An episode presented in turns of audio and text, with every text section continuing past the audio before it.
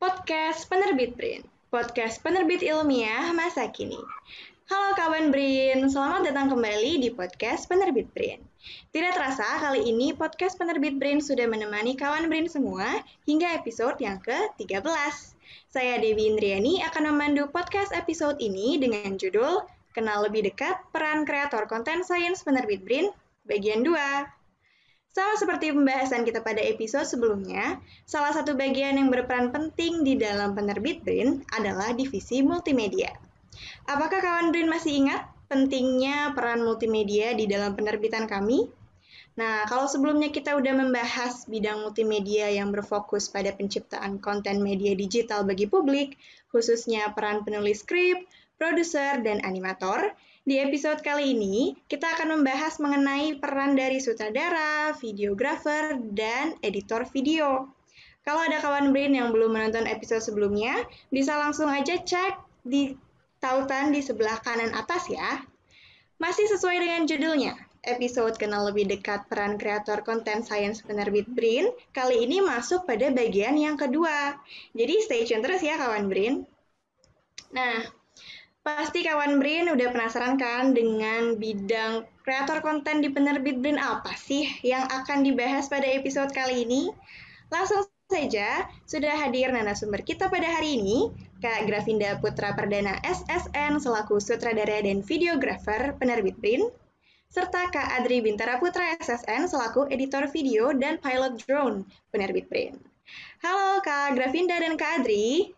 Halo. Halo. Halo. Sebelumnya terima kasih ya Kak sudah menyempatkan waktunya untuk bergabung sama kawan Brin di episode kali ini. Mungkin bisa kita langsung masuk aja ya dari pertanyaan pertama nih Kak. Pertanyaan basic dulu, pertanyaan yang umum. Mungkin bisa dijelaskan oleh Kak Gravinda dan Kak Adri tugas dari masing-masing peran, yaitu Kak Gravinda sebagai um, sutradara dan juga Kak Adri sebagai video editor. Mungkin bisa dimulai dulu dari Kak Gravinda ya Kak. Hmm, Oke, okay. jadi uh, kami di divisi multimedia itu uh, dibagi di beberapa apa namanya uh, bagian begitu ya. Ada yang uh, scriptwriter, ada uh, director, sutradara, ada produser, ada videographer, ada editor, editor video, ya kan sekaligus uh, apa namanya mengoperasikan uh, drone seperti Mas Adri ini. Jadi memang tugas kita masing-masing di sini sesuai apa namanya sesuai disiplin ilmu yang dipelajari. Jadi misalnya saya uh, uh, bertugas sebagai penulis naskah, lalu sutradara untuk film dokumenter, dan terkadang juga uh, kami dituntut bisa untuk uh, apa namanya menyunting menyunting hasil gambar yang kita ambil di lapangan atau uh, editor video. Tapi di editor video ini terbagi lagi sebetulnya di kami ada namanya animator, ada uh, motion grafis, ada desain grafis seperti itu. Jadi memang kita uh, bekerjanya itu tidak sendiri-sendiri, bekerja kita itu uh, apa namanya uh, dalam dalam tim begitu ya. Jadi satu pro, satu pekerjaan itu dikeroyok dikeroyok bareng-bareng gitu nggak nggak nggak dari dari awal sampai akhir kita yang mengerjakan nggak seperti itu. Jadi seperti uh, workflow dalam mengerjakan sebuah film lah ya, film pada umumnya begitu. Oke, berarti dari Kak Gravinda sendiri juga multi job ya Kak? Memegang beberapa peranan sekaligus gitu. Mungkin sekarang bisa pindah ke Kak Adri ya Kak, sebagai um, pilot drone dan juga video editor. Apa saja sih yang Kak Adri lakukan? Ya, seperti yang dikatakan Kak Gravinda tadi, eh, bagian-bagian dari eh, apa namanya divisi kita sudah dijelaskan Kak Gravinda. Tapi saya coba menjelaskan di eh, pekerjaan saya, saya diberi tanggung jawab pada editor video. Tapi ya tidak menutup kemungkinan juga seperti kata Kak Gravinda tadi, kalau tim kita uh, sudah berjalan dan proyeknya ada beberapa bagian yang kebetulan waktunya sama, kadang saya juga ditugaskan untuk uh, sebagai uh, videographer. Gitu.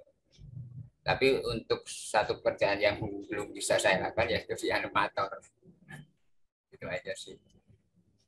Kalau untuk terkait pilot drone, sebetulnya semua tim bisa sih sebenarnya. Tapi kalau kebetulan kalau pas berangkat itu saya ikut, saya yang diamanati untuk diberi tanggung jawab untuk menerbangkan drone. Tapi kalau tim lain berangkat perlu adanya pengambilan gambar dengan drone, juga mereka juga bisa melakukannya sendiri. Gitu.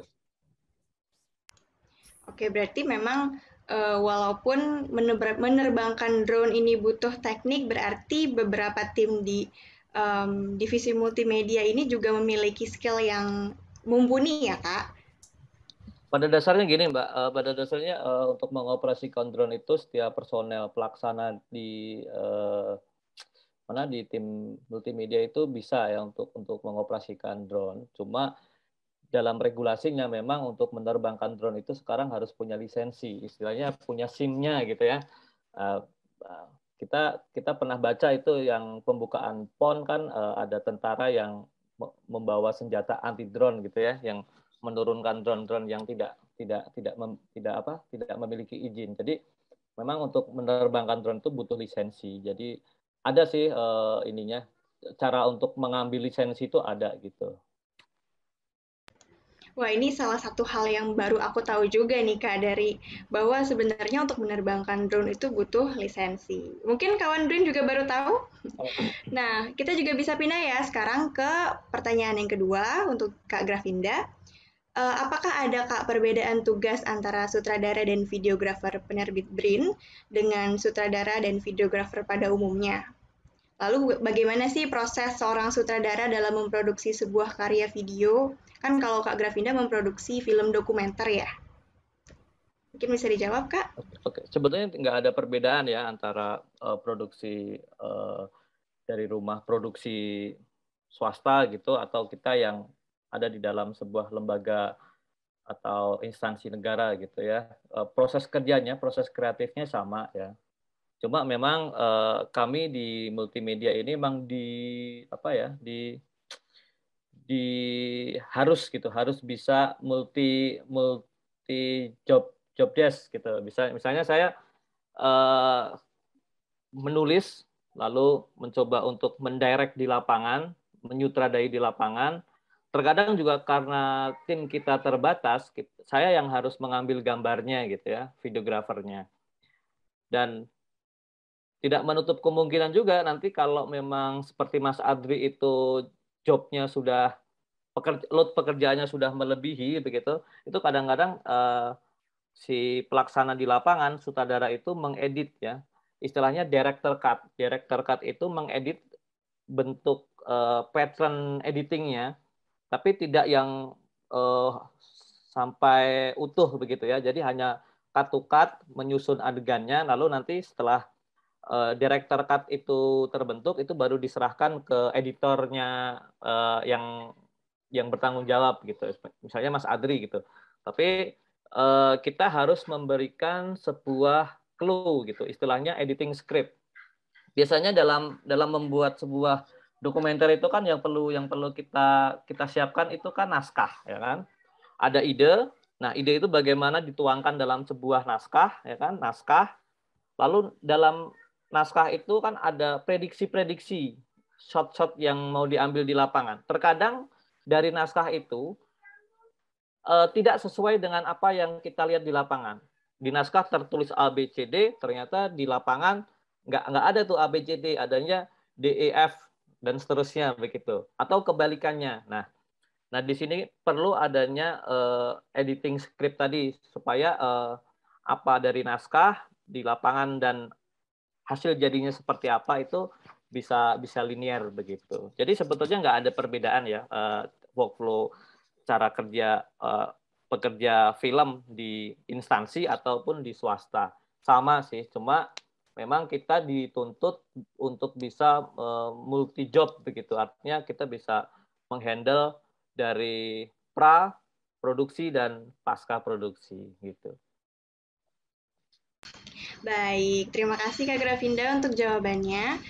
Sekarang kita masuk ke pertanyaan ketiga untuk Kak Adri ya. E, bagaimana sih Kak tahap kerja secara rinci, serta waktu rata-rata untuk menyunting sebuah video di tim multimedia penerbit Brain? Boleh dijawab, Kak Adri? Oke. Hmm, sebetulnya kalau tahap proses editing tuh kalau di uh, kasana umum itu biasanya banyak sekali ya. ada proses logging, ada capturing, ada offline editing, ada online editing, ada sound scoring, ada mixing, baru rendering, terus export. Tapi dengan keterbatasan waktu yang kadang kita miliki untuk beberapa pekerjaan harus deadline-nya cuma beberapa hari itu, kita istilahnya apa ya memotong jalur. Jadi kita eh, cuma logging melihat apa namanya footage-footage yang diberikan oleh videographer, kita pilih, kita masukin ke uh, proses editing dengan offline editing, terus kita masukin kalau ada voice over mungkin ada voice voice overnya, ya kita berpacuan dengan beracuan dengan uh, apa namanya editing script. Jadi editing script yang diberikan oleh sutradara itu kita jadikan acuan untuk apa namanya menata footage-footage atau gambar-gambar yang didapatkan dari hasil produksi. Dan setelah proses offline editing, biasanya kita offline online editing, kita uh, offline editing harus preview dulu. Sorry, sorry, preview dulu. Kita previewkan kepada stakeholder. Mungkin ada beberapa perubahan. Ada perubahan berapa kali. Setelah fix nggak ada perubahan, baru kita uh, online editing, kita tambahin beberapa efek atau suara, background, animasi, seperti itu. Baru kita mixing mereka, uh, data-data itu, bahan-bahan itu baru kita render untuk menjadikan satu satu persatuan yang utuh itu jadi film yang utuh. Untuk durasinya nggak tentu sih. Kadang kita juga semalam harus menyelesaikan satu pekerjaan ada ada yang diberi waktu 2 sampai tiga minggu. Jadi tergantung eh, apa namanya? proyek yang sedang kita kerjakan durasi deadline-nya itu kapan itu ya kita harus bekerja secepat mungkin untuk menyelesaikan pekerjaan itu. Itu sih. Oke, baik Kak Adri. Terima kasih untuk jawabannya. Nah, sekarang pertanyaannya kembali untuk kedua narasumber ya. Uh, kalau boleh tahu ini Kak Gravinda dan Kak Adri sudah berapa lamakah menggeluti profesi masing-masing? Kemudian adakah tips dan trik dari kakak-kakak untuk kawan Brin yang sekiranya berminat juga untuk menjadi video editor atau menjadi sutradara? Mungkin bisa dimulai dari Kak Gravinda dulu ya. Oke. Kalau memulai ya, memulai di dunia audiovisual sebetulnya sejak uh, saya masuk kuliah ya, kuliah dari semester 1 di 2004. Kebetulan saya memang kuliah itu di jurusan uh, seni media rekam, televisi dan film. Jadi awal ketar ketertarikan saya itu awalnya adalah sebetulnya dari fotografi karena saya uh, hobi fotografi. Lalu saya memang di lingkungan kuliah itu lingkungan film, televisi begitu. Jadi uh, awal mulanya di tahun 2004 itu. Cuma uh, untuk terjun langsung ke dalam uh, dunia profesional ya setelah setelah lulus kuliah. Saya sempat magang di misalnya di Global TV terus uh, uh, memproduksi beberapa tayangan televisi begitu.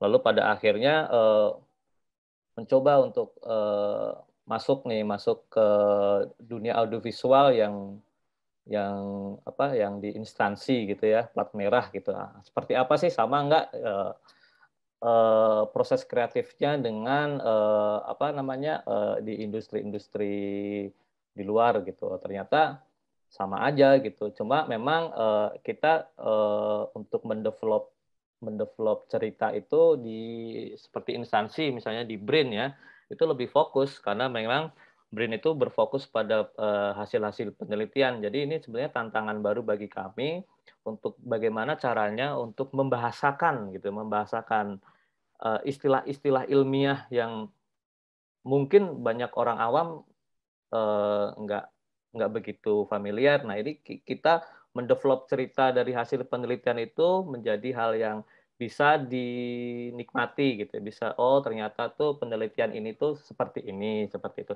itu sebenarnya tantangan tantangan yang tantangan baru buat kami yang sebelumnya mungkin kita uh, untuk topik-topik itu bebas gitu ya, tidak tidak terpaku. Nah, di BRIN ini kita lebih fokus ke sains, ke ilmu pengetahuan. Saya kira seperti itu. Jadi dari 2004 sampai sekarang lah intinya begitu. Nah, memang cita-cita saya dulu eh, bagaimana eh, mendapatkan pekerjaan itu dari hobi. Jadi seakan-akan bekerja itu nggak ada beban gitu ya. Memang ini memang hobi saya gitu. Oh ya udah gitu. Itu sih Mbak. Berarti dari 2004 itu juga udah lumayan lama ya Kak Grafinda di bidang multimedia seperti ini. Dan uh, melihat tantangan yang seperti itu untuk berada di lembaga instansi Badan Riset dan Inovasi Nasional berarti menjadi apa ya hal menarik juga ya bagi Kak Grafinda karena dari Global TV uh, eh, ah maaf di di mana Kak tadi Betul oh, di Global TV? Iya, iya. Iya.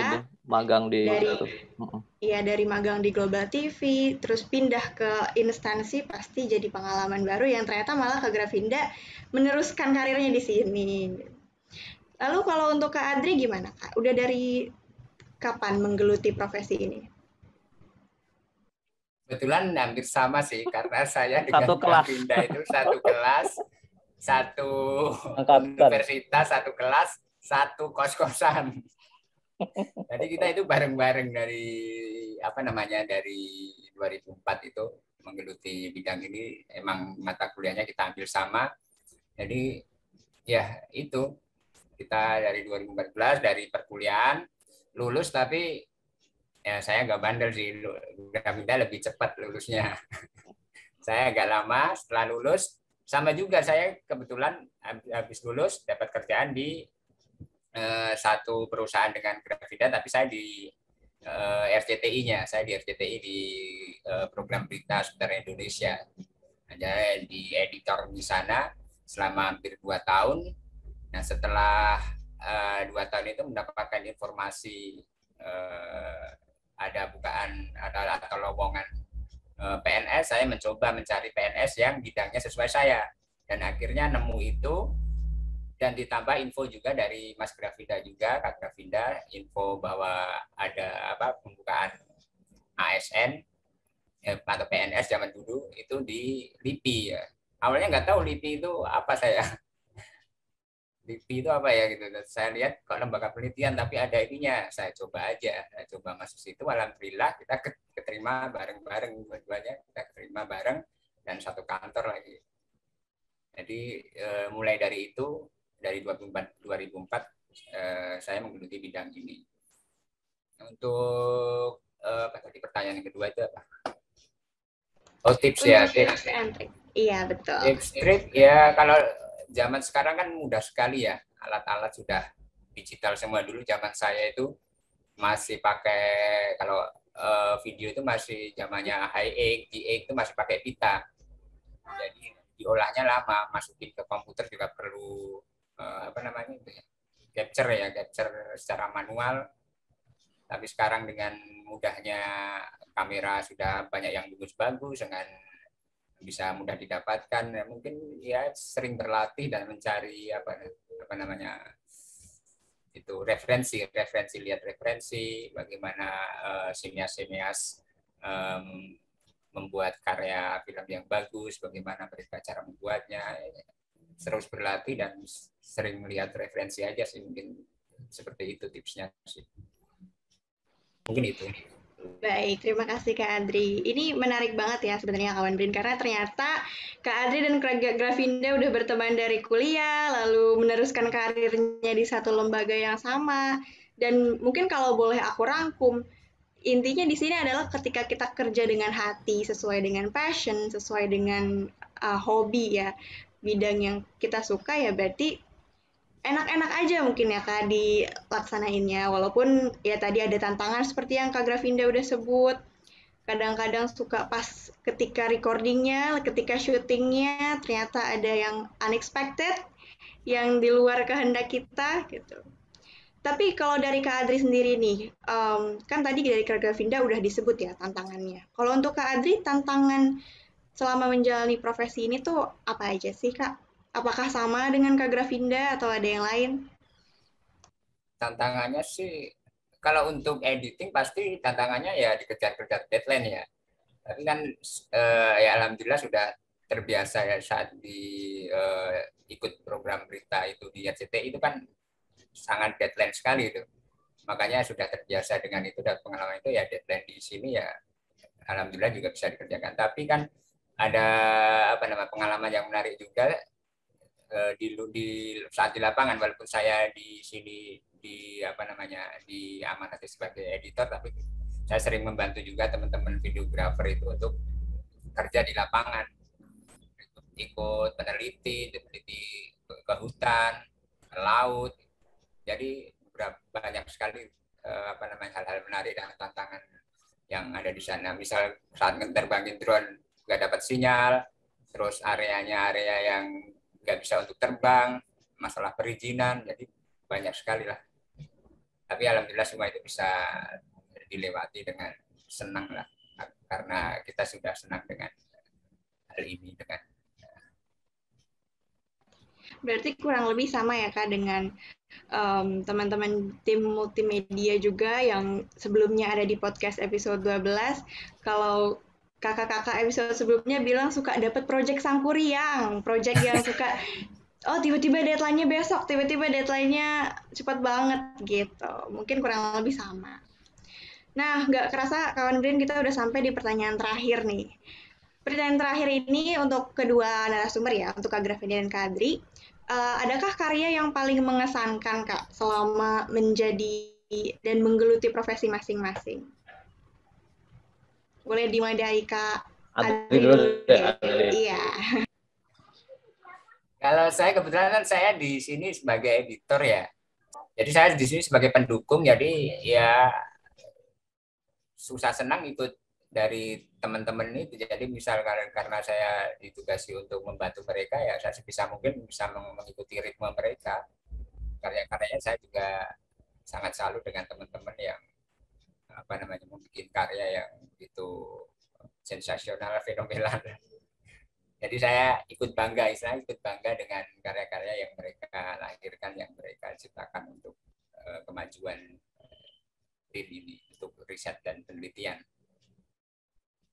Itu sih. Nah, mungkin Kak Grafinda nih dari sebagai perspektif sutradara ya, mungkin ada mungkin satu atau dua karya yang paling berkesan yang nggak terlupakan deh gitu untuk Kak Grafinda. Oke, hampir semua karya yang diproduksi eh, lembaga penelitian eh, BRIN atau dulu namanya LIPI gitu ya, yang yang kami lembaga kami itu. Jadi hampir semua karya itu eh, berkesan ya, entah itu apakah dari hasil akhirnya atau proses mengerjakannya misalnya eh, kami pernah mengerjakan sebuah film tentang uh, peneliti yang ada di Papua begitu. Jadi ke suatu pulau dengan kapal kecil gitu dihantam ombak gitu ya. Saya udah berpikir wah ini udah saya mau mati di sini gitu ya. Itu itu itu pengalaman-pengalaman yang yang tidak tidak bisa dilupakan gitu ya. Atau uh, sedang mengerjakan sebuah proyek uh, apa namanya uh, seperti component profile atau sebuah uh, video corporate begitu ya yang drone kita naikin gitu nyangsang di pohon. Mungkin Mas Adri masih ingat juga. Jadi hal-hal seperti itu yang kadang nggak bisa kita lupakan ya.